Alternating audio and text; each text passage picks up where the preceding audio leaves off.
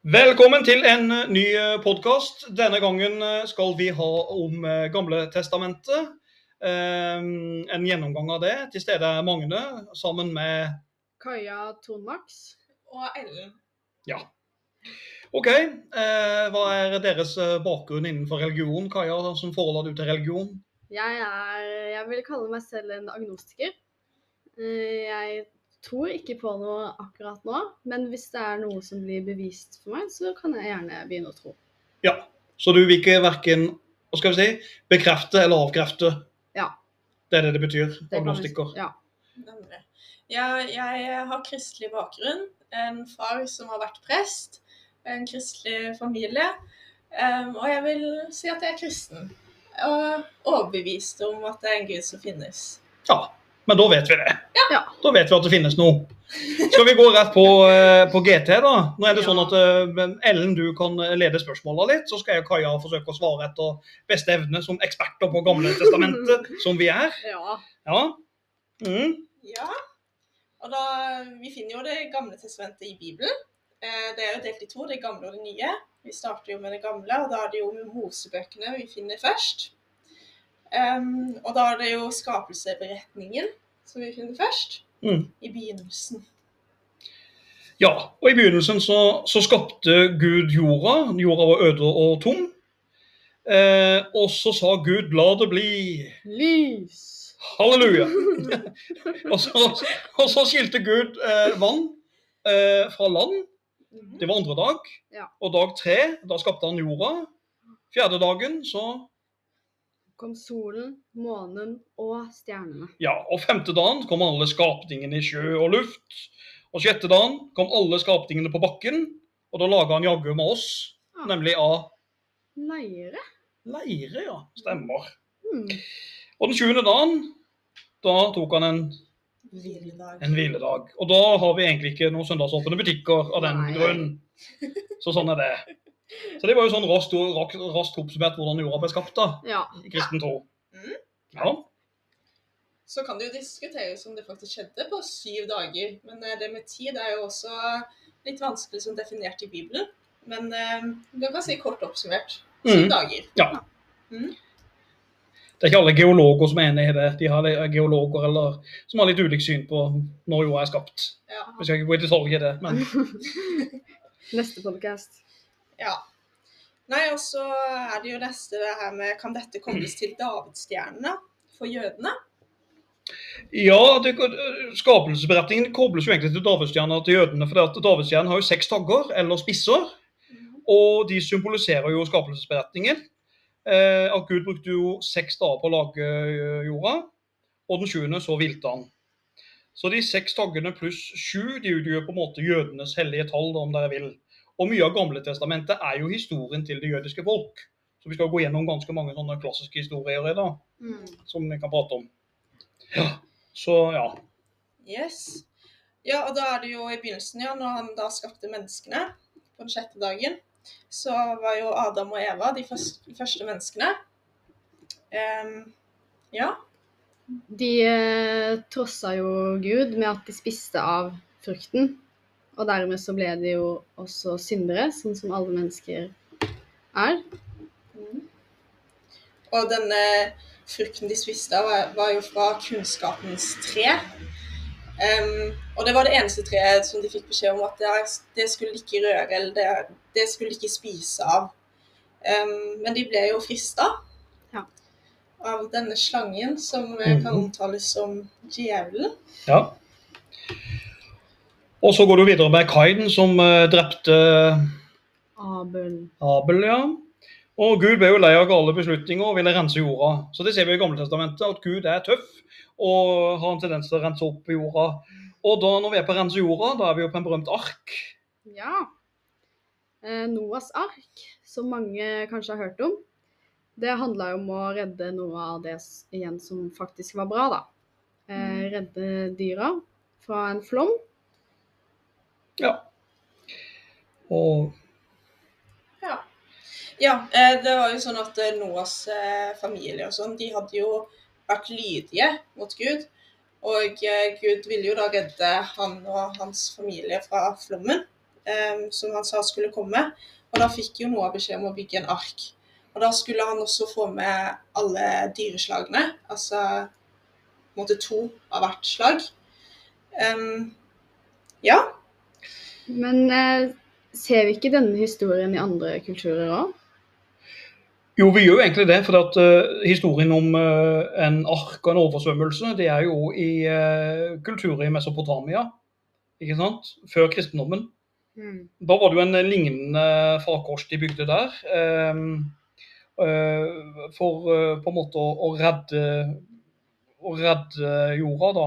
Og, altså Noen i Mesopotamia ble redda, for å si det veldig enkelt, fra de andre som var syndere. Så historien er jo gammel. Det er vel Gilma, Gilmagesh Espose det her kalles. Vanskelig å si. ja. Gilmagesh Espose, tenker jeg det. Så er det jo alltid et uh, spørsmål om Noas ark har eksistert, eller om det er en reell Altså om det er bare en symbolsk fortelling. Mm. Det har vært en debatt. Ja. Ja. ja. Altså, det finnes jo ingen vitenskapelige bevis for en slik flom, eller storflom. Um, ja, om eh, Eller at eh, sangskikkelsen Noah har eksistert, da. Men eh, så mener du jo det at eh, det er vel i Tyrkia eller Anatolia så mener du jo det at det finnes De mener kanskje å ha funnet rester av Noas ark i Antolia eller ved fjellet Arat. Eh, ja, så muligens, men det er lite som kan tyde på at de har funnet noe veldig. da. Ja, OK, skal vi la noen sak ligge og hoppe videre til neste punkt? ja. Da har vi jo Babels tårn. Mhm. Og der hadde vi jo eh, med mange mennesker på jorda som snakka samme språk. Og de vandret omkring og ville lage en sånn slags tårn da, for å komme nærmere Gud. Men så skjønte ikke Gud helt hva de holdt på med, for de skal jo ikke um, Hva skal man si, da? På en måte komme opp til han, eller være på hans nivå, hvis det er innafor. Så dermed så ville han skape litt forvirring, så da lagde han et nytt språk på alle sammen, så de forsto hverandre ikke. Og dermed så flytta de rundt omkring i verden, og sånn sies det da at vi har fått forskjellige språk. Eller Ja. Så hele verden ble spredd med ulike språk i Babelstårn. Ja. Ikke sant? Og spredde seg utover jorda. mm, Og eh, den historien der er jo veldig lik den greske mytologien med Ikaros og Daidalos, Ja. faktisk. Altså um, han Ikaros ville jo eh, bygge vinger for å komme nærmere gudene. Og det advarte jo faren hans, eh, Daidalos, om. Og dermed så endte det jo opp med at Ikaros kom for nærme solen og døde. Ja. Og det er jo um, overmot. Ikke tro at du er en gud, det er jo det historien sier. Mm. Og det er samme med Babels nå. Ikke gå for nærme gudene. Mm. Uh, ja. Skal vi gå litt videre? Ja, nå må vi over til stamfaren Ja. sjøl. Selveste stamfaren. Eh, Abraham. Ja. Det er jo stamfaren til eh, jødedommen, kristendommen og islam. Veldig sentral. Uh, og han ble jo lovet et hellig land av Gud. Em, ja, og eh, jeg vet ikke om jeg skal lese denne teksten Ja, du tenker på Abraham og omskjæring? Ja, Ja, for at Abraham han, han ble jo lova å få et godt liv hvis han fulgte Gud. Og så skulle han få et land eh, og mange familiemedlemmer og alt sånt. Og så kom jo den her om at Gud befalte omskjæring til han. Du må gjerne lese den uttaket der, Ellen. Ja. Um, du skal ikke lenger kalles Abraham, men Abraham skal navnet ditt være. For jeg gjør deg til far for mange folkeslag. Jeg skal gjøre deg svært fruktbar, ja, gjøre deg til mange folkeslag. Konger skal gå ut fra deg. Jeg vil opprette min pakt mellom meg og deg og etterkommerne dine fra slekt til slekt, en evig pakt. Jeg vil være Gud for deg og etterkommerne dine. Landet du bor i som innflytter, hele Kanan, vil jeg gi deg og etterkommerne dine til evig eiendom, og jeg vil være deres Gud. Så sa Gud til Abraham, du skal holde min pakt, både du og etterkommerne dine, fra slekt til slekt. Dette er pakten dere skal holde, pakten mellom meg og dere og etterkommerne dine. Alt av hannkjønn hos dere skal omskjæres. Dere skal la forhuden bli omskåret, og det skal være tegnet på pakten mellom meg og dere. Hvert guttebarn hos dere skal omskjæres når det er åtte dager gammelt. I slekt etter slekt, både de som er født i huset, og de som er kjøpt for penger hos fremmede, slike som ikke er av din ett. Ja. Godt lest. Og dette, og dette er jo første Mosebok. Ja. Og folk som sier det at omskjæring bare er tradisjon, de tar feil. ja. Her står det direkte i den religiøse teksten at man skal være omskjært. Ja. Skal du være da um, jødisk? Og det ble etter hvert en debatt med Jesus. da, Når Jesus kom, så sa han du, altså, du trengte ikke omskjære deg for å bli kristen. Så det kom en debatt mellom kristendom og jødedom. Men dere, hva med For det at han, Abraham hadde jo eh, kona Sara, og så var det noen barn. Det var noen greier der med Sara og barn. Altså, hun sa hun sleit rett og slett med å få barn. Eh, men eh, hun fikk barn med Hagnar trellkvinnen. Da fikk hun Ismael, eller Ishmael, jeg Ja. vet ikke. Mhm. Eh, men Sara likte ikke stesønnen sin. Nei. Og Ishmael han ble jo ganske gammel, han. Ja, han ble jo hele 137 år. Ja. Så, ja, og, og ifølge islam så var han med og bygde Kaban. Ja. Så det, det er felles religion her. Mm. Og Ismail gikk jo i det ørkenen, og så fikk han tolv sønner. Og tolv sønner, det betyr òg Tolv stammer av Israel. nettopp. Så dette er symbolsk. Og eh, et år senere så ble jo Isak født, og Isak var jo faktisk barnet til Abraham og eh, Sara. Og, eh, ja, og så gifter jo, vi ta hele historien kjapt, da. Isak gifter seg med Rebekka. Og det prøver å henge med her, folkens. Gifter seg med Rebekka, som får sønnene Esau og Jakob. Og Esau og Jakob skal jo senere havne i konflikt, det skal vi jo komme fram til. Ja. Så, eh, men før den konflikten så er det vel noe mer konfliktforhold, Ellen? Ja, det er jo mellom Abraham og Isak. Em, som sagt var det jo eh, Sara som fikk eh, Isak, og Sara var jo veldig gammel, så det var jo egentlig et mirakel at uh, hun fikk Isak. Så Isak var jo ja, sønnen, veldig viktig for Sara.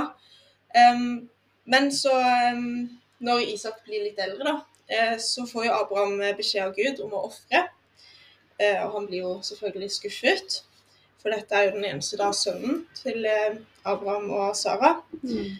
Og Isak blir da tatt med opp på fjellet. um, og der skal jo Abraham da ofre han.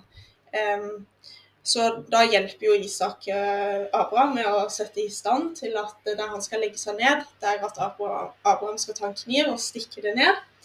Um, men idet han er på vei til å ofre, så gir Gud han et lam på fjellet, som han da istedenfor skal ofre. Og denne her eh, hendelsen her eh, kan man, jo se som at eh, Gud testa på en måte Abraham sin tro og lydighet. At han er villig til å høre på Gud og gjøre det han ønsker at han skal gjøre. Det var en god oppsummering av den historien. Ja. Jeg vet ikke hvor fornøyd jeg hadde blitt om jeg måtte ofre min sønn, så Mm. Ja. Lam! Jeg kan si til deg at eh, i Bibelen så, så det kommer jo aldri noe mer i Bibelen at eh, Abraham og Isak snakker noe mer sammen. Nei. Så Kanskje forståelig. Ja. det, Hvis, eh, hvis din pappa skal ta deg med kniv på et fjell, så har du Ikke lyst til å snakke med din pappa. Nei, det ødelegger litt det forholdet. Det er teit, liksom. Ja. Drit. og det er også litt spennende hvordan egentlig forholdet mellom Abraham og Sara var etterpå. Det med at Sara fikk vite at han skulle ofre til sin egen sønn Isak. Men Mm. det, Mhm. ja. ja. Ja, videre nå blir det, et, eh, blir det nevøen til han eh, Abraham nå. Mm. Er det ikke Lot som er neste på lista? Lot og Sodo, Sodoma og Gomora, Hvis vi følger historien kronologisk her. Artige navn. Ja, for det at han, eh, han Lot da, han reiste jo, han stakk altså Abraham var jo på jakt etter å finne det evige landet. altså hva skal jeg si, Det lovte, lovete landet. Mm. Og så Lot var jo eh, nevøen til, eh, til Abraham. og så, ja, Men så sulta de, og så valgte Lot å reise fra Abraham. De skilte lag. Og Lot dro jo da nærme Sodoma, for det var grønne, fine sletter der. og Da ble han fanga. Lang historie kort, da ble fanga noen kriminelle. Abraham kommer og redder han ut. Redder nevøen ut. Eh, og krigerne omskjærte seg den gangen for å hylle Gud. Så da, da begynte den første omskjæringa. Og Sodoma, eh, det ble jo syndenes by. Ja. Lot kommer tilbake til Sodoma. Sodoma kommer navnet sodomi, Mm. som er litt sånn negativt, eh, negativt land, da. Negativt lada ord. Ja. Mhm. Og Lots historie tok jo en ganske dramatisk vending da ondskapen til innbyggerne i Sodoma og Gomorra nådde et vippepunkt. Eh, Og Gud bestemte seg da for å ødelegge byene. Men før ødeleggelsene fant sted, så sendte Gud engler til Lots hjem for å advare ham. om eh, det som kommer til å skje, da, denne katastrofen. Og englene ville at Lot skulle samle familien sin og forlate byen. Men eh, siden de ikke kunne gjennomføre ødeleggelsene mens han fortsatt eh, var til Det var pga. det. At han eh, ja, ikke skulle gjennomføre ødeleggelsene mens mm. han fortsatt var til Ja, for Lot forsøkte å redde folk i byen og forsøkte å få de svigersønnene med. Og, øh, men de avfeide jo advarselen at byen, de trodde at det var et spøk at byen skulle legges til grunne. Ja. Og øh, Som et resultat så var det vel bare Lot og hans kone og de to døtre som forlot byen under englenes veiledning. For det kommer to engler. Ja. Og, og Lot gjør en ting som er interessant her, for at, uh, han beskytter jo englene inne hos seg.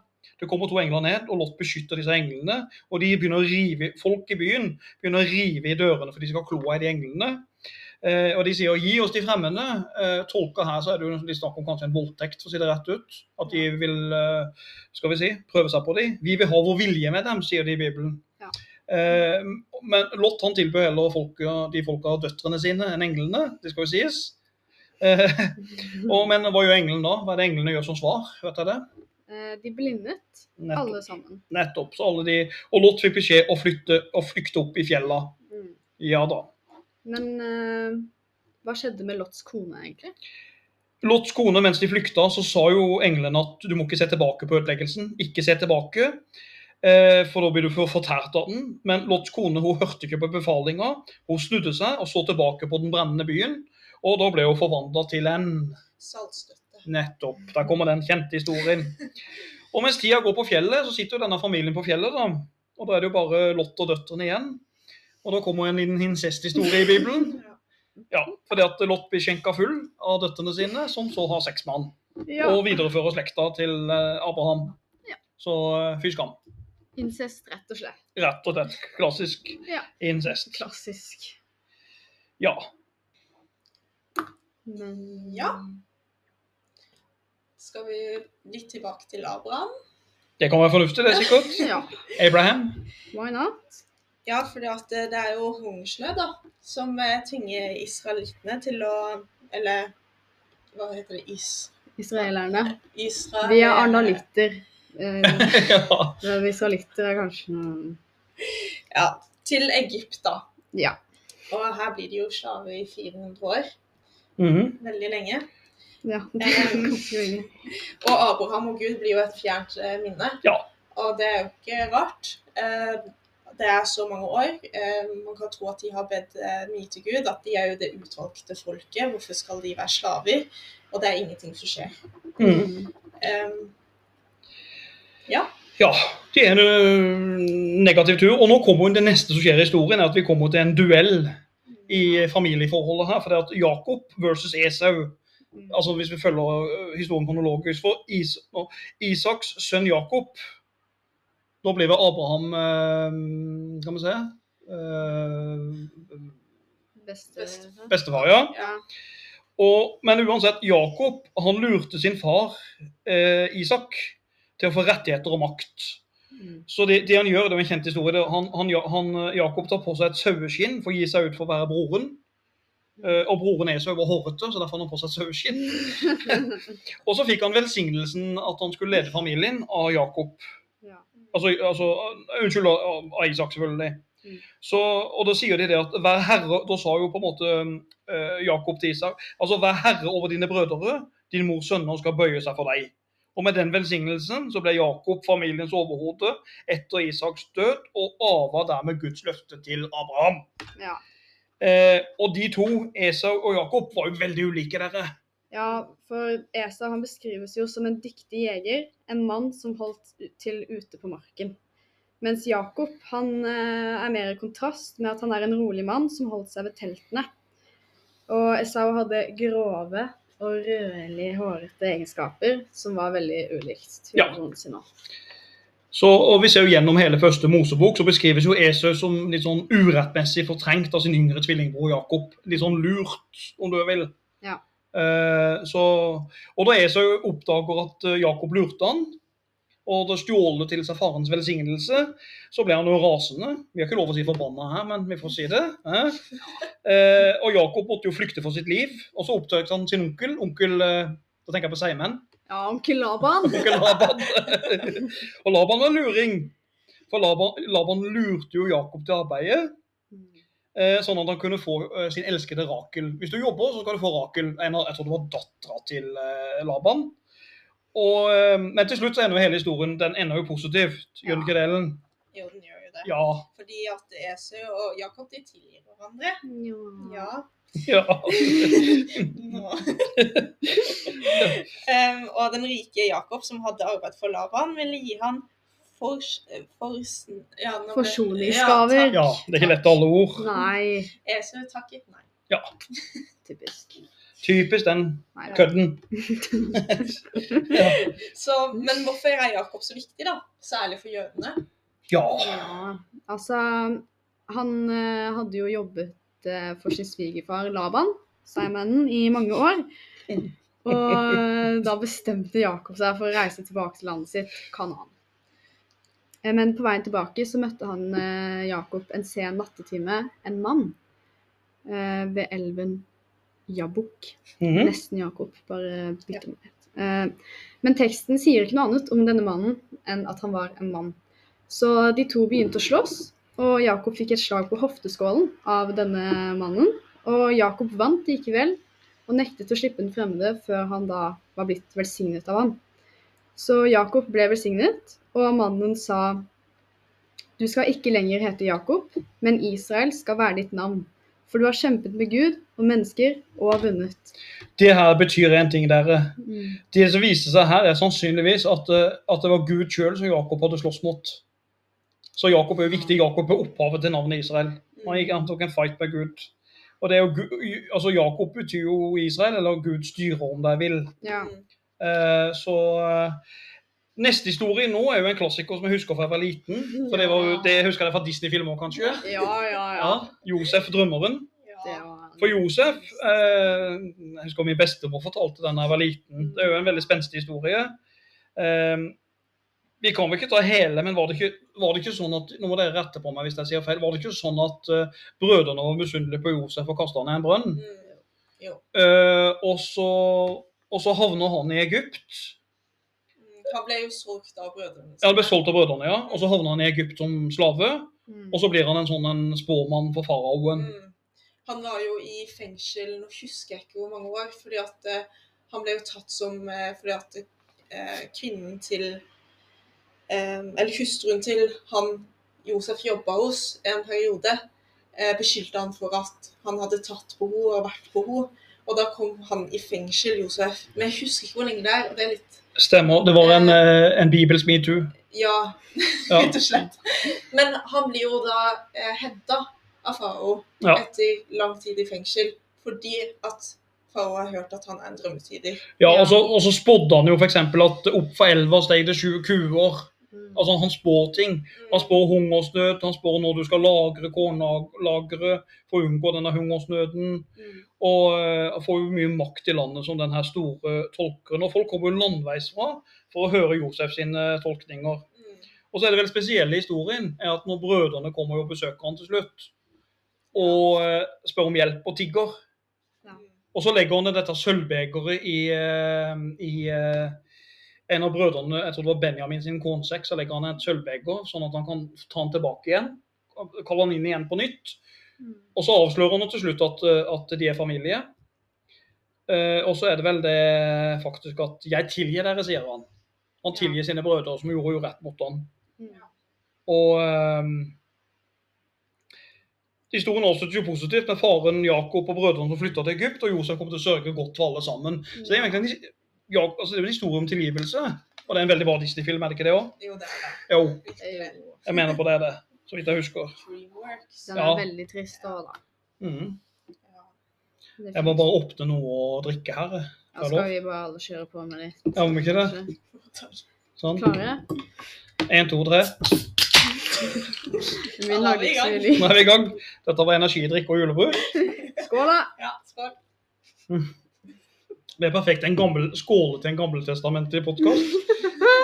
Ja, det Og dette skal være GT sin skål. Hurra, hurra! Er det ikke noe sånt? Oh, Det passer perfekt. Ja. Jau. Mhm. Vi har jo også jobbsbok.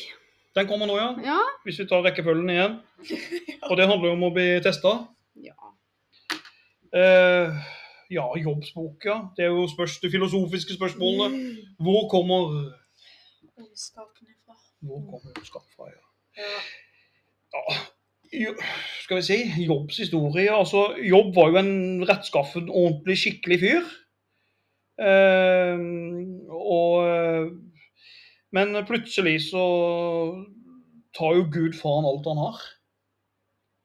Han, eh, han mister absolutt alt. og da, Dette er liksom spørsmålet i, i religiøst altså, Hvordan kan Gud være god og allmektig når han lar ondskap skje? Det er jo deler del av Jobbs bok. Mm. Uh, og eh, Jobb ble jo til slutt uh, Han mista jo så mye. Han mista jo familien sin, han blir ensom og mister pengene sine. Uh, han eh, Ja, han mister alt, men eh, han eh, fortsetter å være lojal og, og be til slutt, selv om han er litt hissig på Gud. Men eh, til slutt så, så, får han, eh, så får han belønning, da. At han blir elska av Herren, som de sier Ja. og blir fremheva som et godt eksempel, som et rettskaffet menneske, som er forbilder for alle. Så Jobbs bok er jo interessant for folk som uh, sliter, da. ja. Ja. Men hvorfor påførte Gud Jobb sånne lidelser, en bra mann? Altså, Hvorfor gjorde han det? Det blir jo mye diskutert hvorfor ondskap finnes i det hele tatt hvis Gud eh, finnes. Men eh, ifølge Jobbs bok da, så er det jo slik at Gud forårsaket ikke lidelsene, men han tillot dem i dette tilfellet en høyere hensikt. Så på tross av lidelser og tap, så ga ikke Jobb opp sin tillit til Herren. Han gråt, klaget og ropte ut eh, i nød, men han kjempet med Gud og vant, sånn som Jakob. Og senere ble jo Jobb kompensert for tapene sine også. Ja, og I Efeserbrevet så skriver Paulus forresten har jeg lagt en podkast om Paulus, hvis jeg har lyst til å høre den. Paulus, en gammel rocker, som vi kalte han nå. Men uh, Paulus han, uh, han skriver i Efeserbrevet at Herren gjennom menigheten på lignende måte kunngjør, altså gir visdom og formskreften i himmelrommet. Da. Så det de tenker her, at Jobb eh, led uskyldig, men det var pga. en høyere hensikt. Mm. For å liksom vise at Gud hadde visdom, og eh, at det var en del av Guds plan å gjøre dette her. Det var tanken. Mm. Noe av den iallfall. Som de kan argumentere for. Ja. Ja. Mm. Så øh, neste tema, dere, det er jo Exodus. Exodus. øh, Bob Marley-sang? Jo, du tror faktisk det er. Ja. Bob Marley, Jøss, vi kjenner til han. Så klart. Ja. No woman, no. Jeg tror det var Bob Marley. Jeg Kan ikke sett for meg Bob Marley, ja. Gammel hasjrøyker. Ja. Men eh, Exodus er jo utvandringa fra Egypt. Mm. Det blir jo neste tema, da. Ja. Og da er det jo eh, en berømt mann i kurven. Moses! Ja. Ja. Er det en true story, da, Ellen? ja. Ja, ja Kristen Ellen sier det er en true story. Da, da godtar vi det. det var det. Hva tror du? Ja, men eh, bare for å få en litt sånn oversikt om hvem Moses var, da. Ja. Um, fordi at um, når han ble født, da, så hadde jo farao um, i Egypt uh, sagt at hver sønn som ble født hos her, Hebreerne. ja, takk, Ja. skulle kastes i Nilen. Altså, ja, drepes. Em, og eh, da Moses ble født i hemmelighet, kom hans mor farao i forkjøpet og la Pjokken. pjokken, ja, i en I en kurv eh, slags. Ja. Ja. Ehm, ja, og så ble jo ehm, eh, Moses da funnet, da, og kom, eh, ble tatt imot i den familien. ja. Så selv om han egentlig i utgangspunktet skulle bli drept, så blir han jo tatt imot i den familien, og ja, blir oppvokst der. Um, så han er jo, eh, kan man si, um, på en måte i familie med slavene da, i Egypt. Mm. Um, han skulle jo egentlig vært der selv, kan man si. Mhm. Ehm, og dette her finner han jo ut av seinere, når han blir eldre. Ehm, At han har slavebakgrunn, ja. ja. Så uh, um, Ja, så det er jo en hendelse som skjer eh, under det slavearbeidet når han er litt eldre, at han eh, dreper jo eh, en Hva kan man si um, Ja, eh, at det er en som pisker en fange, da.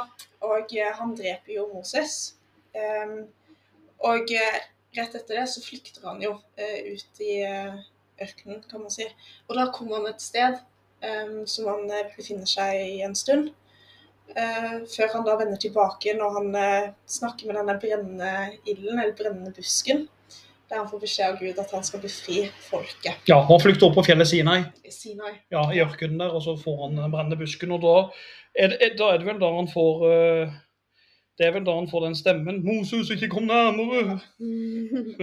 Ta det på føttene, sier stemmen. For på jorden står du på hellig grunn.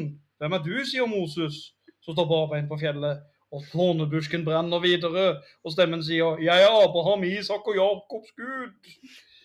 Og da er vi i gang. Men er dere, Da er historien i gang. er det en sann historie? True crime. Ja.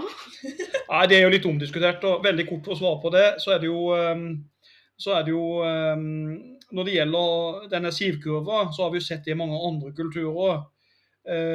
Eh, igjen så er det jo ehm, I eh, Mesopotamia var det jo en konge som het Sargon. Og Sargon han styrte jo 56 år i Mesopotamia, tror jeg. Og i ca. år 2004 før Kristus så ble han nå funnet i en sånn skivkurv, sivkurv, denne kong Sargon i Mesopotamia. Eh, vi har vel noen lignende kanskje i Egypt og eh, Romerriket òg. For i, i eh, Romerriket har du Romulus og Remulus, Mm. som ble sendt ned Evla Tiber opp for seg ulvinne. Og i Egypt så har du jo uh, Osiris, uh, som er en eldre historie enn uh, Gamle testamentet, der eh, og en, eh, en farao, eh, som, en som skulle bli farao etter hvert, ble sendt ned i eh, Nilen da, i en kurv. Så du har sånn tre-fire andre historier som bygger på Moses-historien. Så vanskelig å svare på om den er sann eller ikke. Ja. Ja. Kan jo hende at det bare er noe som skjer ofte òg, da. Stadig vekk. For dere som besøker Nidelva i Arendal, finner dere stadig sånne, sånne barn i, i, som er sendt ut, som ingen vil ha. Ja. Man kan gå og plukke barn i Nidelva hvis dere har lyst til det. Øke barnebidraget. Så det er stadig sånne andalitter. Så de, ja, ja, det må bli andalitter. ja. Mm, Det er kun oss. Ja da. Kanskje òg, da. Men skal vi gå tilbake til, til Moses? Ja, Skal vi ikke det? Ja, Vi sa jo det at uh, han Moses var jo han var jo en liten sverdduell med sønnen til farao nå. Mm. Og så kutta han han på kinnet, tror jeg. Eh, fordi at eh, sønnen til faraoen mente at Moses ikke var en ekte skal vi si, tronarving. Han var jo slavebakgrunn, som dere sa i stad. Eh, broren til Moses het vel Aron, og søstera var Miriam. Mm. Eh, jeg tror nok at en del følte det under denne tida her at eh, Abrahams gud hadde forlatt det jødiske folk. De var slaver. De holdt på å hogge stein og ble plagd. Og... Så the turning point, er jo egentlig Moses når han finner denne her brennende busken eh, i ørkenen Sinai. Eh, og så når han da drar tilbake til Egypt. Eh, og så er det jo den sangen, da. Eh, når han sier til farao 'Let my people go'. Go down, Moses, let my people er den. Let my people go. Way down, Moses, into Israel Er det noe sånt? Ja, Jeg tror jeg har hørt den i The Fresh Prince en gang. ja der er den sikkert òg. Og da begynner jo hva som skjer. Moses møter faraoen, og så begynner han å sende noe. Vet dere det? Husker dere det? Sender noe. Han sender noe. Han truer faraoen og plager faraoen. Ja. Landeplager, Yes, da er kommer de ti landeplager. Ja. Og dette er eh, ikke noen sånn snille plager. Dette er tunge Ja. og vonde plager. Det er terror. Det er, ja, ja, men det er virkelig Jeg, jeg vet ikke om jeg husker alle, men det er iallfall Det er eh, Vannet blir jo til blod. Ja. Ja. Eh, Du har frosker. Mm. Eh, lus, er det ikke noe sånt òg? ja. Um, det er i hvert fall insekter og dyr som dør, og verkebyller. Mm. Uh, hagl. Uh, Gresshopper kommer jo over landet. Mørke kommer. Ja. Og så har vi den siste store stygge ulven. Der de maler dørene med blod, disse englene. Dødsenglene. Dødsenglene kommer, ja. Ja. Og da fikk Moses beskjed om at han skulle si til at alle skulle ja, som du sier, smøre blod på dødkarene. Og de som ikke gjør dette, da kommer dødsengelen og tar den første, først, førstefødte i familien og dreper. Ja. Og eh, dette går jo faktisk utover da ja, faraoen, eller hva man sier. Ja. Eh, for da får han jo sin egen, ja, eneste sønn ja, drept. Mm. Og dette er jo det som blir eh, grunnen til at han lar faktisk folket gå. ja. Så faraoen han gir opp. Han gir opp. Han sier OK, go. Go, go, go. Get out of here. Mhm. Som Arnold Schwarzenegger sier. Ja. Det, det vet ikke hva det er. Hvem er. Jo, Gjør det det? Terminator. Oi, jøss. Du, Imponerende, du som er så ung at du vet sånn. Ja, men Ellen er jo også glad i Terminator. Ja, det er forresten, er du, du kjenner det? Ja. Jøss. Yes. Det er faktisk lagd en versjon nå, Terminator, hva er det han gjør? Han står opp fra de nettopp. Så har de lagd en versjon, den var veldig morsom, kan jeg se på YouTube, jeg anbefaler den. Arnold Schwarzenegger som Jesus. Nei, det Jo, der han går med en hagle og så sier han 'You have to be terminated'. Og så skyter han Judas, da. Det er det som sketsjen. Men det er veldig bra humor. Den funker, den. Schwarzenegger som Terminator. Kan anbefales. You have to be terminated. OK, uansett. uansett men faraoen han kommer til å angre på at han lot de gå, så han kommer etter de. Han kommer etter de hest og kjerre. Disse stakkars jødene. Nå blir de jakta. Og så kommer de jo da til eh, et sted der eh, det stopper helt opp. Og da må Moses ut med staven sin. Hva skjer da, folkens? Moses må ut med staven sin. Og Ta det ned i havet, og havet deler seg. ja, havet deler seg. Ja, sånn at eh, de har mulighet til å komme og krysse havet. Ja. Um, ja. Og når faraoens hær skal passere, så lukker havet seg. Så da sier de Gud, vår kjære Gud, har reddet oss. Gud er vår kraft og styrke. Nå viste virkelig jødene her, her er vi Guds utvalgte folk. Mm. Men dere, nå kommer klimakset i historien. Neste er jo klimakset. Cliffhangeren. Ja. De Ti. bud. Ja. Det er jo egentlig veldig sentralt, kan man si. Mhm. Ja, Det er jo det. De, de ti ja. Em, ja, det er jo at uh, de kommer jo til ørkenen igjen og vandrer der i 40 år, er det vel? Ja. Og um, da får jo Moses beskjed om at han skal uh, opp og møte uh, Gud på fjellet si, Sina, si, Sinai, ja. Sinai. Mm. Ja. Sinai. Og da får han utlevert de ti bud på sånn eh, eh, skrifttavler, eller sånn Ja. stein, da. Og da sier jo Gud, husk hvordan jeg berget dere. Jeg vil inngå en pakt med dere. Hvis dere følger mine bud, skal dere være et dyrebart og hellig folk. Og det er vel da det kommer fjellet rister, og så hører du et lyd av, buk av bukkehorn som ljomet gjennom landskapet. Så bukkehorn så sentralt i eh, skal vi si, kristenjødisk eh, religion. Og folket skal være redsel for det her når de ti bud kom. Dette var æresfrykt. Og veldig kort i ti bud, og vi trenger ikke det til alle, men eh, du skal ikke andre guder enn meg, er vel en? Ja. Ja, altså én gud. Men er ikke Gud tre... Ja, men det kan vi kanskje ta senere. Og det er noen som mener Gud er tre, ja, for du har treenigheten. Ikke sant? Ja. Men Ellen har faktisk en ganske grei måte å forklare treenigheten på. Ja, om vi skal gjøre det nå? Ikke? Ja.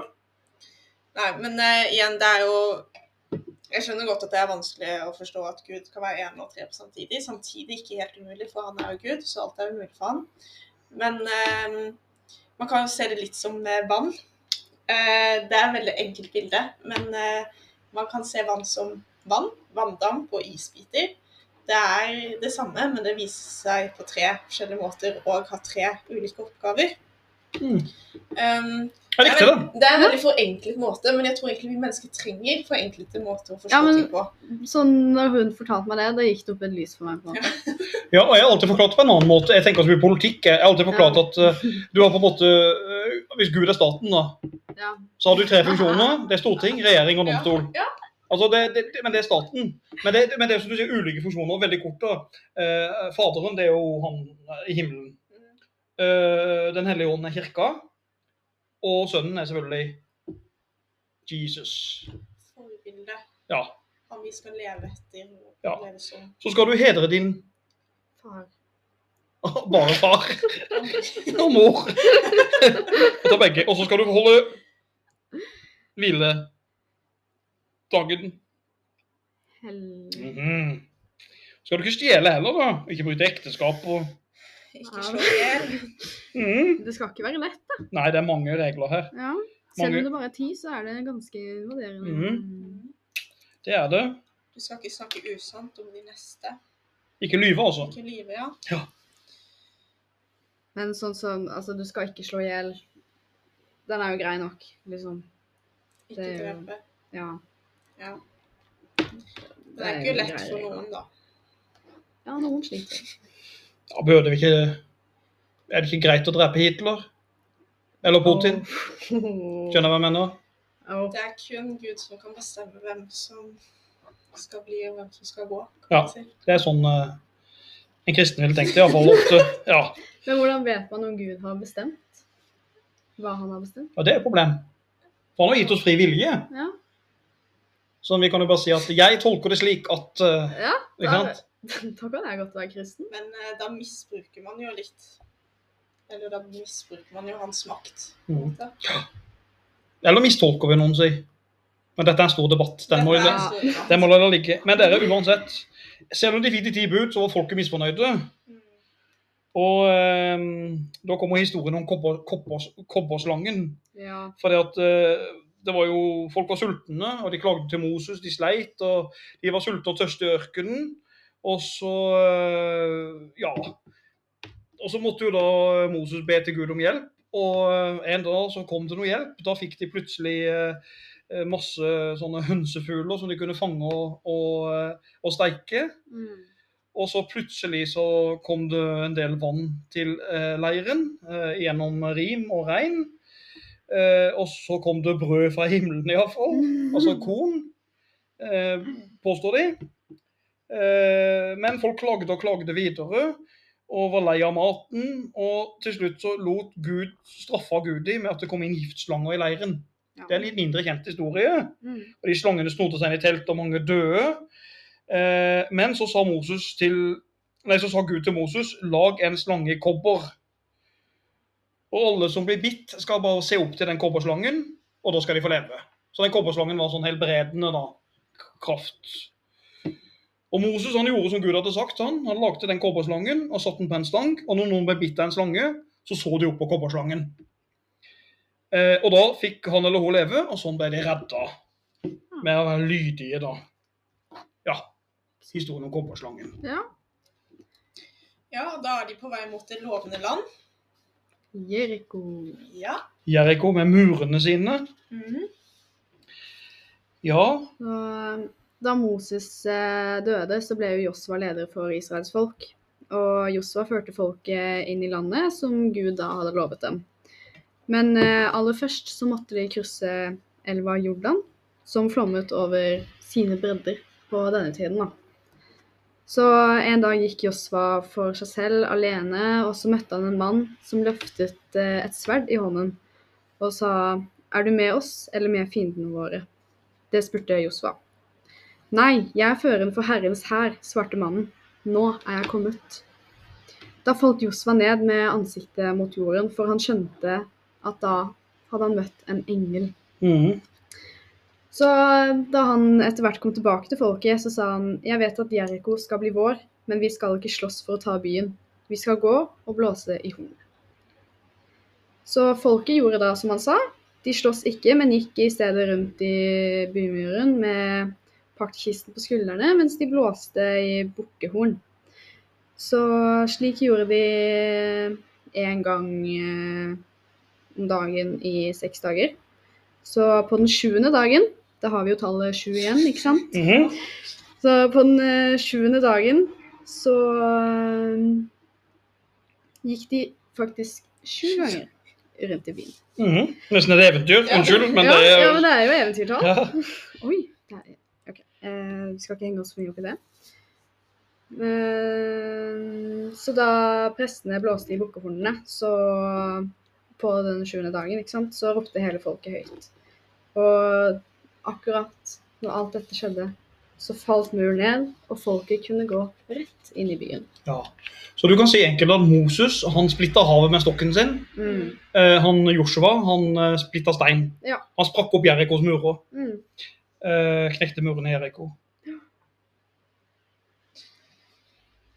Ja. Så um, har vi jo um, eh, folkemordet mot Kanan. Um, så man kan si at uh, Gud opptrå, opptrer noe vel litt uh, brutalt. Ja. For det Gud sier her, er jo det spesielt. og Han oppfordrer faktisk til folkemord, her nesten vil noen si. For eh, Nå skal jeg ikke ta hele teksten veldig sånn uh, utdrag, men, uh, men eh, Blant annet så sies det jo i dag i, eh, i det, Dette er jo tredje Mosebok, da. Så sies det jo det at du skal eh, At eh, hvis, altså hvis Altså, Herren din Gud vil gi deg byen i dine hender, alle mennene der skal du hugge ned med sverd. Men kvinner, småbarn og husdyr og alt annet i byen kan du ta med deg, og du skal gjøre deg nytte av dette byttet som Herren din Gud la deg ta fra dine fiender. Så du skal på en måte angripe, sier de, men først tilby fred. Men hvis de går imot deg, så er det bare å kjøre på her. Eh, nå sier jo noen at kanitten ikke var så uskyldig, da. Folket fra Kanan, også. Fordi at de eh, gjorde selv uskyldige handlinger. Blant annet så ofra de jo småunger til guden Moloch. De trodde jo på en hedersgud som het Moloch, og de ofra unger. Men eh, Og Herren sa jo at du skulle, ifølge Bibelen, så skulle, skulle de bli straffa for ugjerningene sine. Ja. Eh, men jeg syns det er et dårlig argument, egentlig, det der, da, at fordi at du er slem, så kan jeg gjøre noe slemt mot deg. Men er ikke det rettferdig krig? Eh, godt spørsmål. Rettferdig krig er jo definert som at du slår tilbake med samme midler. Mm. Men en rettferdig krig er vel aldri rettferdig hvis du angriper sivile. Barn og kvinner og sånt. Men går du på soldater og stridende mål, så sier jeg ja. Rettferdig krig er jo begrepet til Augustin. Mm. Uh, du har lov til, Hvis jeg klapser til deg, så kan du klapse tilbake til meg. Men du kan ikke komme med balltre. Nei. Da blir det ikke proporsjonal krigføring. Det vil vi ikke ha. Det vil vi ikke ha. Ja da. Og han sier jo, eh, Senere så sier jo Herren til Israels, Israels første konge Saul, når vi snakker om vold i Bibelen, så sier jo faktisk eh, altså Saul, den første kongen, da sier de jo at, at ja, slå til altså han oppfordrer til, herre, altså Gud oppfordrer til at man skal drepe eh, almekittene, den gruppa som Saul gikk imot. Slå nå ut almakittene, slå alt som tilhører de, eh, spar ingen, drep kvinner, menn, småbarn og spedbarn, okser og sau, kameler og esler, drep alt. Og det står i Jeremia 19,6-9. Ja. Så det er jo veldig oppfordring til folkemord, vil jeg påstå. Ja. Ja. Men det er vel også en eh, brutal hevn på barn eh, i Jeriko? Eller Jeriko? Jericho, ja, det er vel det. For i Jeriko så, så, så eh, Ja, det var vel en profet der som, som dro opp til Betel, heter det. Og når den profet, profeten gikk på veien, så var det noen smågutter som gjorde narr av profeten og så Kom deg vekk, din flintskalle eller skalla fyr, det var et eller annet sånt. Kom deg vekk. Eh, og den profeten snudde seg mot dem, og så forbanna han de ungene som erta han, i Herrens navn. Og plutselig så kom det to bjørner ifølge historien kom det to bjørner ut av skogen og reiv i hel 42, for, reiv i hel 42 barn. Dette finner vi i andre kongebok i Bibelen. Ja, dere ler av det, ja, men det er Det er. Det er skikkelig brutalt. Så dere kan se filmen 'Cocaine Bear' for å sammenligne. Har dere sett den? Nei, Jeg har faktisk ikke sett det. Jeg fikk aldri sett den. Nei, den gale bjørnen. Nå ligger den på Sky Showtime et eller annet. Ja da. Får ta den i kveld. Nei, men altså, det, det, er, det er mye vold i, Ja. i, når de inntar Jeriko Jericho og, og Kanan. Mm. Det er det. Ja, men da hvis vi beveger oss litt videre Mm. av historien etter eh, Jeriko, um, så inntar jo eh, Hvordan sier man det? Fil Filisterne. Mm eh, Israel. Og da møter vi en som heter Samson. Ja. For Nå er jo Moses og Josua vekk, og Israel måtte sette sin tillit til dommerne og Samsung er den nye store helten da, for israelerne. Mm. Vet ikke om du Kaja, vil si noe om Samsung, du som er Samsung-ekspert? eller hva jeg skal si? Ja. Altså, han var jo en legendarisk figur av eh, samme støpning. Så eh, han var også muligens opptatt i samme myte som Herakles. Jeg vet ikke om dere har hørt om han, men han var sønnen til Sevs. Ja. ja. Så han er en figur som har gitt enorm styrke av Gud for å bekjempe Guds fiender og utføre heroiske dåder som eh, ikke er mulig for vanlige mennesker. Så Samson hadde da en brytekamp med en løve. Den historien har kanskje noen hørt før. Så han reiv da denne løven i fillebiter. Så Herakles drepte jo også løven fra Nemea for å vinne kvinnens gunst. ja. Og så sies det at Samsung han var veldig sterk, han har superkrefter. Og han slo i hjel en hel hær med kun et kjevebein fra et esel. Og ødela et tempel òg. Så han, dette var en machomann. Han hadde styrke. Og så gifta han seg med en filisterdame. Og når hun ble drept, så hevda han seg i raseri og myrda masse filistere som hevn. Ikke sant? Så han, det var payback. Ikke sant? Og da har vi jo eh, en kvinne som klipper håret hans. Mm. Hva var greia? Ja, hva var greia med det? Altså, Eh, styrken var jo på en måte i håret eh, til Samson. Eh, han hadde langt hår, og han fikk beskjed om at det skulle ikke klippes, fordi at da ville han miste sine krefter. mm. Um, men så er det jo denne kvinnen som han eh, finner sammen med. Og hun spør jo da litt sånn Hva er greia? Hvor får du denne styrken fra? Det er at han da forteller hun hvor denne styrken kommer fra, nemlig håret. Og det er da det kommer en greie, da. Ja. At hun klipper av håret hans. Ja, og så blir jo Samson tatt til et tempel, er det ikke sånn? Mm. Han blir tatt til et tempel der han blir vel, så vidt jeg husker, så blir han blinda. Eh, og når han kommer i det tempelet, selv om han er blind, så evner han da faktisk å ta tak i søylene inne i tempelet og rase de, rive de ned. Eh, og bygningen kollapser, og han dreper vel over 3000 stykker der i det greiene han gjør. Han tar sitt eget liv òg. Og eh, noen mener jo da at det er en kobling mellom, tidlig kobling mellom Jesus og Samson. Eller Ja. Samson. Og det er jo fordi at eh, i en tidlig kristen tradisjon så blir Samson ofte tolket som en allegori til Jesus. For, fordi han hadde en selvopp... selvopp Det er vanskelig ord. Selvoppofrende. Ja, det der er tungt å si for folk fra Arendal. Eh, ja. døde, ja. Men han tar jo med seg Israel sine fiender i døden og sånn. Og, ja. Ja, Så det er jo en type som ofrer seg sjøl. ja absolutt. Men igjen noe helt annet enn eh, liksom hensikten til Jesus sin død, da. Kan man jo si. Ja. Ja. Og Dette er med hevn, mm. kanskje. OK. 50 år senere nå, så kommer jo profeten eh, Samuel. Mm. Og Samuel han stiller spørsmålet hvem i huleste skal lede oss nå? Ja. Hvem skal lede oss i kampen mot filistene? Hvem skal lede oss? Vi trenger en konge. Jødiske folk trenger en konge. Mm. Og hvem er det da de solver som første konge? Det er jo Saul. Saul, ja. Saul blir salva som første konge. Saulen. Og han, eh, han innleder jo eh, Ja, hvem, hvem er denne kong Saul? Han er jo Israels første konge, ja. Det er vel ca. 1000 år før Jesus, dette her. Skal vi prøve å tidfeste det? Kanskje noe sånt? Ja Jeg tenker at Sauls periode som konge begynte bra, men endte tragisk. Mm. Fordi at han tar jo til slutt livet av seg, denne Saul, i, eh, i um, Gilboa-fjellet. Eh, og, men først så blir jo Saul sal- salva til konge av Samuel. Eh, men eh, han er jo etter hvert fryktelig ulydig mot Gud, og da vil etter hvert Gud ha en ny konge. Han vil ikke høre. Eh, så, eh, men Saul blir jo beskrevet veldig positivt. Han blir beskrevet som en eh, en vakker mann som er ett hode høyere enn de andre, eh, i henhold til første Samuel-bok eh, 9.2. Og det er jo det her at han ikke ville høre på Gud, fordi at han nekta å utføre det folkemordet jeg kaller det folkemord som Gud ville. Det ville ikke Saul gjøre. Eh, og da ble jo Gud veldig sint på han, for han ble sett på som ulydig. Og eh, så var det jo klart at Saul var veldig misunnelig og sjalu på en. Det var problemet til han. Ja. Det var jo David, da.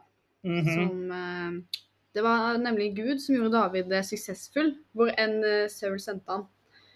For eh, Altså, det var derfor eh, Saul eh, ga David eh, ansvaret for hæren. Og etter at David kom tilbake fra slag, så priste kvinnene han med å synge og danse om at han var en større helt enn kongen selv. Og det vil vel enhver en hver mann sette pris på. Mhm. Spesielt du, Magne. Åhå. Ja. Alle er selvelskere, i hvert fall menn. Men eh, da ble jo Saul eh, sjalu, og han fryktet at David var blitt en rival til tronen. Ja. Og David han, David spilte jo på harpe, faktisk. han. Det gjorde han alle mulige ting. Det var ikke så veldig mandig, kanskje. men. Og, og, og, og da, av og til så klikka jo Saul på det, litt historien. Da. Og plutselig så kunne Saul kaste et spyd etter og prøve å drepe han. Så han forsøkte attentatforsøk på David, men han feila jo hver gang. Og, og um, til slutt så prøver han jo å dytte ut eh, David som hærfører. For å prøve liksom, at han skal forsvinne og dø i slag. Mm. Og um, han sier jo det at hvis han klarer å dra hjem David, nei, altså Saul gir jo David et tilbud. altså Hvis han klarer å dra hjem dette er drøyt da, 100 filistiske forhuder, så skal, han, så skal han få lov til å gifte seg med er det en dame der, hun heter Mikael eller noe sånt hun het? Ja. Mikael? Ja, Mikael. Og David han kom jo hjem med ikke bare 100, men han kom hjem med 200. 200. Han har dobla dette. så Han kunne ta med seg forhuda hjem, David. Og i flere ganger i uh, Gammeltestamentet så kunne jo David tatt livet av Saul, men han sparer han. Ja. Han sparer livet til Saul. Og sånn sett nesten ydmyker han litt. da. Ja. Men jeg tenker dere at Davids kongedømme som kommer nå, det er jo det beste idealet. I, i, altså Dette er jo stort for uh, Gammeltestamentet og jødedom og kristendom. For hva, hva kan vi si litt om David her? Altså mer? han var jo gjeteren som beseiret Goliat, Mhm. ikke sant? Eh, Stort hedersmerke. Altså, hva vil du si noe om han, Ellen? Um, ja, det er jo denne kjente historien som eh, at eh, Goliat var jo eh, en mann som ingen kunne beseire, men det kunne Goliat, som var en liten gutt med Hva var det, sånn stein st- Hva heter det? Ja, sånn Steinkaster? slynger. Slynge, ja. ja. Mhm. Ehm, ja. Um, Så slynga han i panna til Goliat, og så datt han rundt. Ja. Rett og ja, slett. det var det. Og det var det. Rett i skittig. Eh, så kong David eh, er jo fremstilt som et ideal i Bibelen, både som konge, men også som menneske.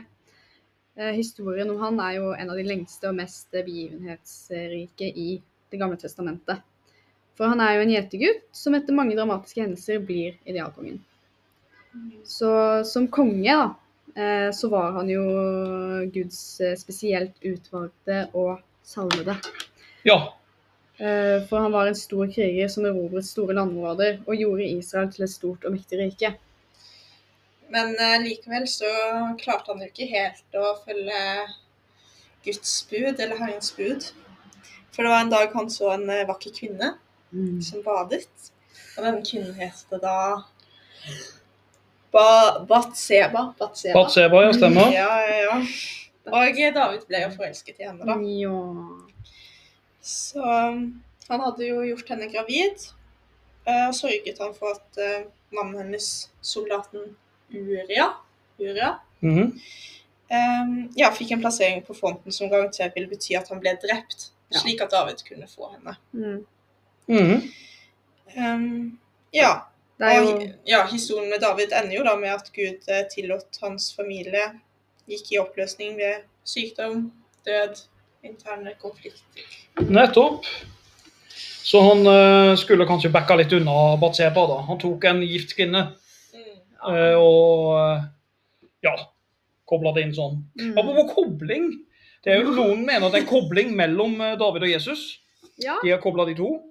Skal vi prøve å si litt om det? ja.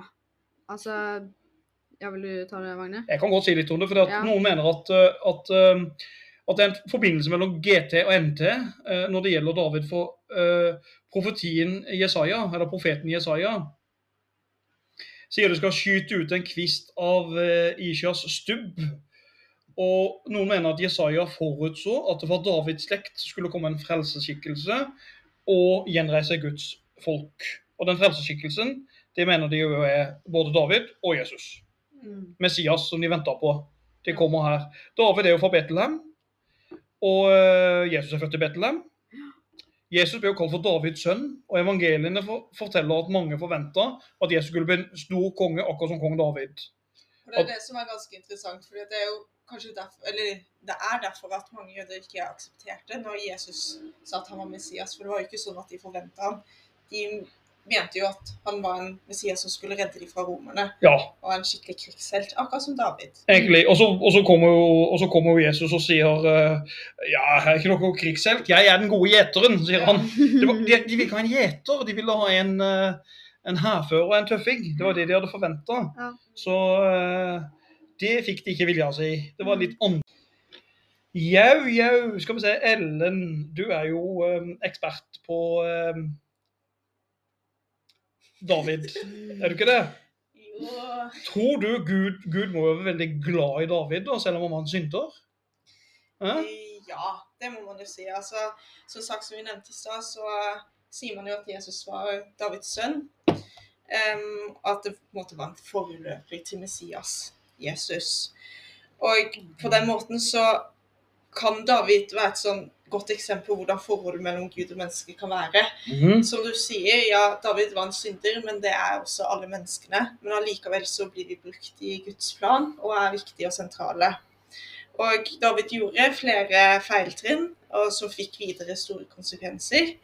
Men likevel så vender han seg tilbake til Gud mm. og bekjenner synden sin og får stadig nye sjanser. Og det er jo dette som er så sentralt i kristendommen. Det er jo det som er Ja. sentralt. Det er jo noe av kjernen. Ja, Mm. Og så er neste steg nå videre, da håper vi fra David. Da er det jo disse berømte altså, mye av de, altså de klassiske historiene vi snakker om her. Hva kaller vi disse bøkene? Det er krønikebøkene du tenker på? Ja. Ja. For uh, altså De legger jo mye vekt på tidslinje, slektlinje, og også hvordan de historiske hendelsene henger sammen. Mhm. Og eh, da er vi i kongeperioden, som er ca. 1050 eller 1050 til eh, 586 før Kristus. Så eh, da får vi prestens perspektiv på det som skjedde. Så krønikebøkene overlapper med kongebøkene. Og også da delvis eh, Samuelsbøkene. Altså det er da profetens perspektiv. Mm. Og Poenget med de krønikerbøkene det er jo rett og slett at eh, de skriftene ble jo lagd for å oppdra folk i generasjoner. Oppdra hva det betyr å tilhøre Guds folk, å være salva, som de kaller det, salva konger.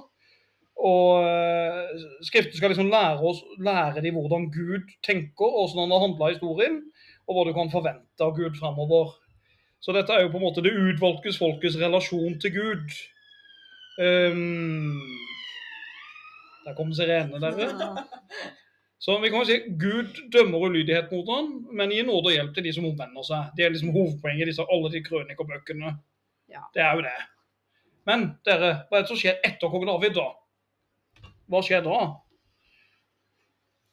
Hmm. Altså, det skjer jo en ulykke over eh, Davids eh, slekt, fordi han har vært ulydig med Gud. Så det var jo f.eks. Batseba.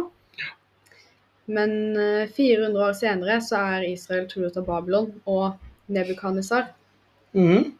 Um, og så var jo Marduk guden til eh, babylonerne, som inntok Jerusalem. Ja, så de ble rett og slett okkupert. Ja. De eh, jødiske folket ble okkupert. Mm. Og eh, Jeremia, spåmannen, får vi si, eller profeten, han forsøker å redde folket, gjør han ikke det? Jo, for han veileder kongen, profetene, og han mente jo at man enten må overgi oss, eller så må vi dø. Ja. Så man må legge seg under Babylon og godta Herrens straff. Du må bøye hodet ditt, altså. Men vil de høre på disse her herskerne i Jerusalem? Vil de høre på Jeremia? nei. Nei. Absolutt ikke. De eh, fengslet ham, rett og slett. Eh, Men samtidig så var jo Jeremia rådgiver for han som skulle bli den siste kongen i Israel, altså kong Sidka. Sidkia. ja. Så han eh, vil, altså kong Sidka ville jo heller ikke høre på rådene fra Jeremia om å overgi seg til den babylonske hæren, og han forsøkte da å flykte. Israelittene sultet i 18 måneder, og under beleiring så begynte de med kannibalisme. ja. Fryktelig historie. Mm. Og byen ble jo etter hvert inntatt. altså Jerusalem ble jo inntatt av, av um, fremmede krefter, babylonerne, og Silkaya ble tatt til fange. Overklassen i Jerusalem ble tvangsflytta til eh, Babylon. Eh, De fattige fikk vel lov til å bo i landet, tror jeg. Så dette her var jo starten på eksilet, eller det babylonske fellesskapet Ikke fellesskapet, unnskyld. Fangenskapet. Og det varte jo i 60 år. Gode 60 år. Eh, Det kan man lese i, i er det Esras bok i Bibelen, så står det en del om hvordan det her fungerte, da. Dette fangenskapet i, i Babylon. Babylon. Og så er det den nye pakt. Fordi at eh, Hvordan sier man navnet? Je- Je- Jeremia.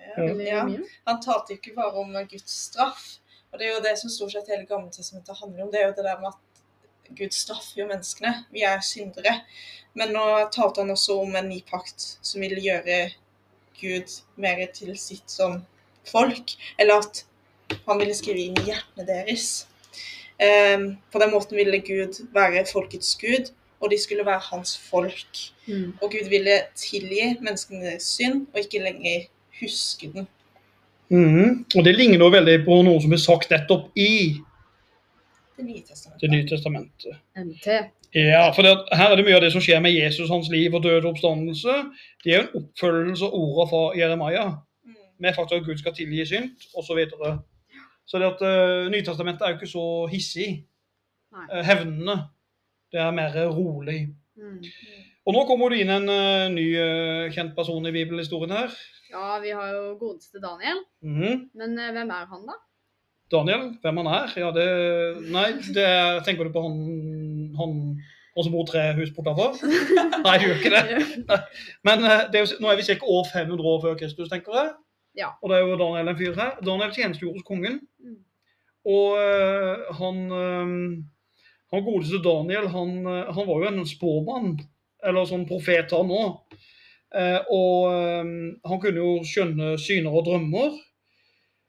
Og så er det en historie der, da. Han Daniel havna til slutt i løvehula. Det vet jeg, hadde hørt om den, det hadde jeg sikkert. Eh, og så skulle han da bli spist i den løvehula. Men han fikk jo hjelp av Gud. Guds inngripen kom, og eh, han kom jo ut av løvehula uskada. Det går en historie før det, da, før òg, der faktisk eh, kongen eh, Kongen Nebuk- Nebukadnesar, het han vel? Kong Nebukadnesar han bygde jo sånne gullbilder av seg sjøl. Ja. Eh, og da skulle folk bøye seg for det gudbildet. De skulle bøye seg. Og Daniel og vennene hans de ville ikke tilby noen andre enn en, en, sin gud, så de nekta å bøye seg. Og det som da skjedde, var at kongen kasta de ville brenne de levende. Ja. Men hva skjedde da? Jo, Guds mirakuløse inngripen gjorde det at eh, de ble skåna fra flammene. Så eh, ja. Gud gikk inn og rett og slett eh, gjorde magi her, Mm. og de ble spart. Ja. Så Daniel ble jo rett og slett putta etter hvert i den løvehula mye pga. sjalusi. Eh, så sendte jo bare Gud der en engel for å redde han. Mm. Sånn var det. Ja. Men vi kan jo egentlig si dere at jeg tenker at Daniel vil jo noen si spådde Jesus inntog. Noen mener at Daniel, profeten, har uh, snakka tydelig om Jesus. Vet ikke om jeg vil si noe om det? Eh, jo, eh, vi kan jo det. Altså, fra den tid ordet gikk ut at folket fra Jerusalem skulle føres tilbake og byen skulle bygges opp igjen, så Og til det kommer en som er salvet, altså en fyrste, så skal det gå sju uker. Og da har vi tallet sju igjen, ikke sant? Mhm. Um, så i 62 uker skal byen være gjenreist og bygd opp igjen med gater og vollgraver, men tidene skal være harde. Etter disse 62 ukene skal den salvede ryddes av veien og ikke mer være til. Og det er jo interessant. Den salvede skal ryddes av veien. Ja. Og hvem er den salvende? Selvfølgelig. Han snakker jo om Jesus. Eh, 500 år før Jesus kom. Mm. Så mange mener at dette er en spådom som stemte. Mm. Um, ja, skal vi ta det han uttrykte senere òg, holdt jeg på å si? Ja, tenker du på det? Jeg så et stort monster. Stort og sterkt. Det hadde tenner av jern. Spyd og romerike. Kanskje, ja. Kanskje Ja. det tolkes spyd. Ja, ja, ja. Ikke sant? Kan eh, kanskje være noen koblinger der. Det slukte verden. Ja, Det kan i hvert fall være Romerriket. ikke sant? Men en ny stor leder skal stå frem. Menneskets sønn.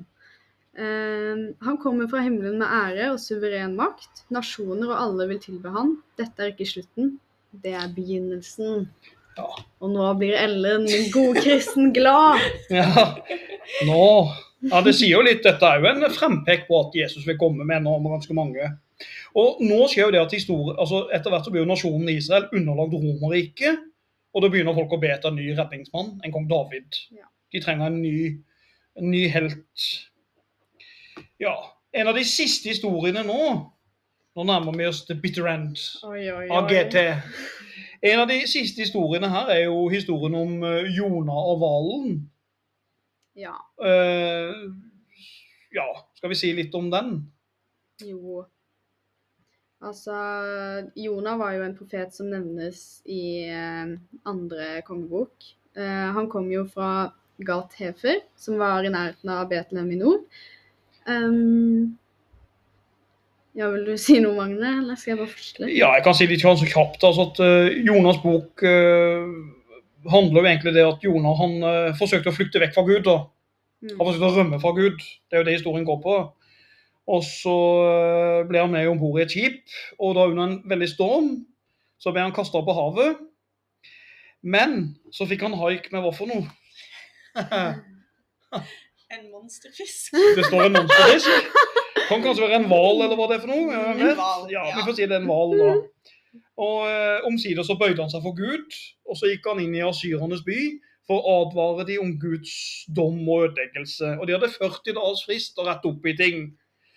Og da skal jo det skjedd en stor solformørkelse samtidig. Noe som skal bidra til å overbevise folk i denne byen, til asyrerne, om at Jonah hadde med seg Gud, og at budskapet var ekte. Ja. Og folket valgte å vende om. Og kongen kledde seg da i sånn asket, altså veldig som en vanlig person, da alle viste respekt og sånn. Mm. Uh, og det som skjedde, konsekvensen av det her med Jonah og haien, og at han klarer å fortelle denne historien, det er jo at Gud utsetter Straffedommen. Ja, Og noe som skuffet da Jonah veldig. ja for han ville jo helst at byen skulle ligge i, i grus. For hvordan i huleste kunne Herren la de her fæle asyrerne slippe så billig unna? Ja. For Jonah han ble deprimert og hadde en liten prat med Herren om det her. Eh, så sånn var det. Han var litt hevngjerrig, for å si det sånn, denne Jonah. Han ønska ikke disse asyrerne noe godt. Det var historien om Jonah og hvalen. Ja.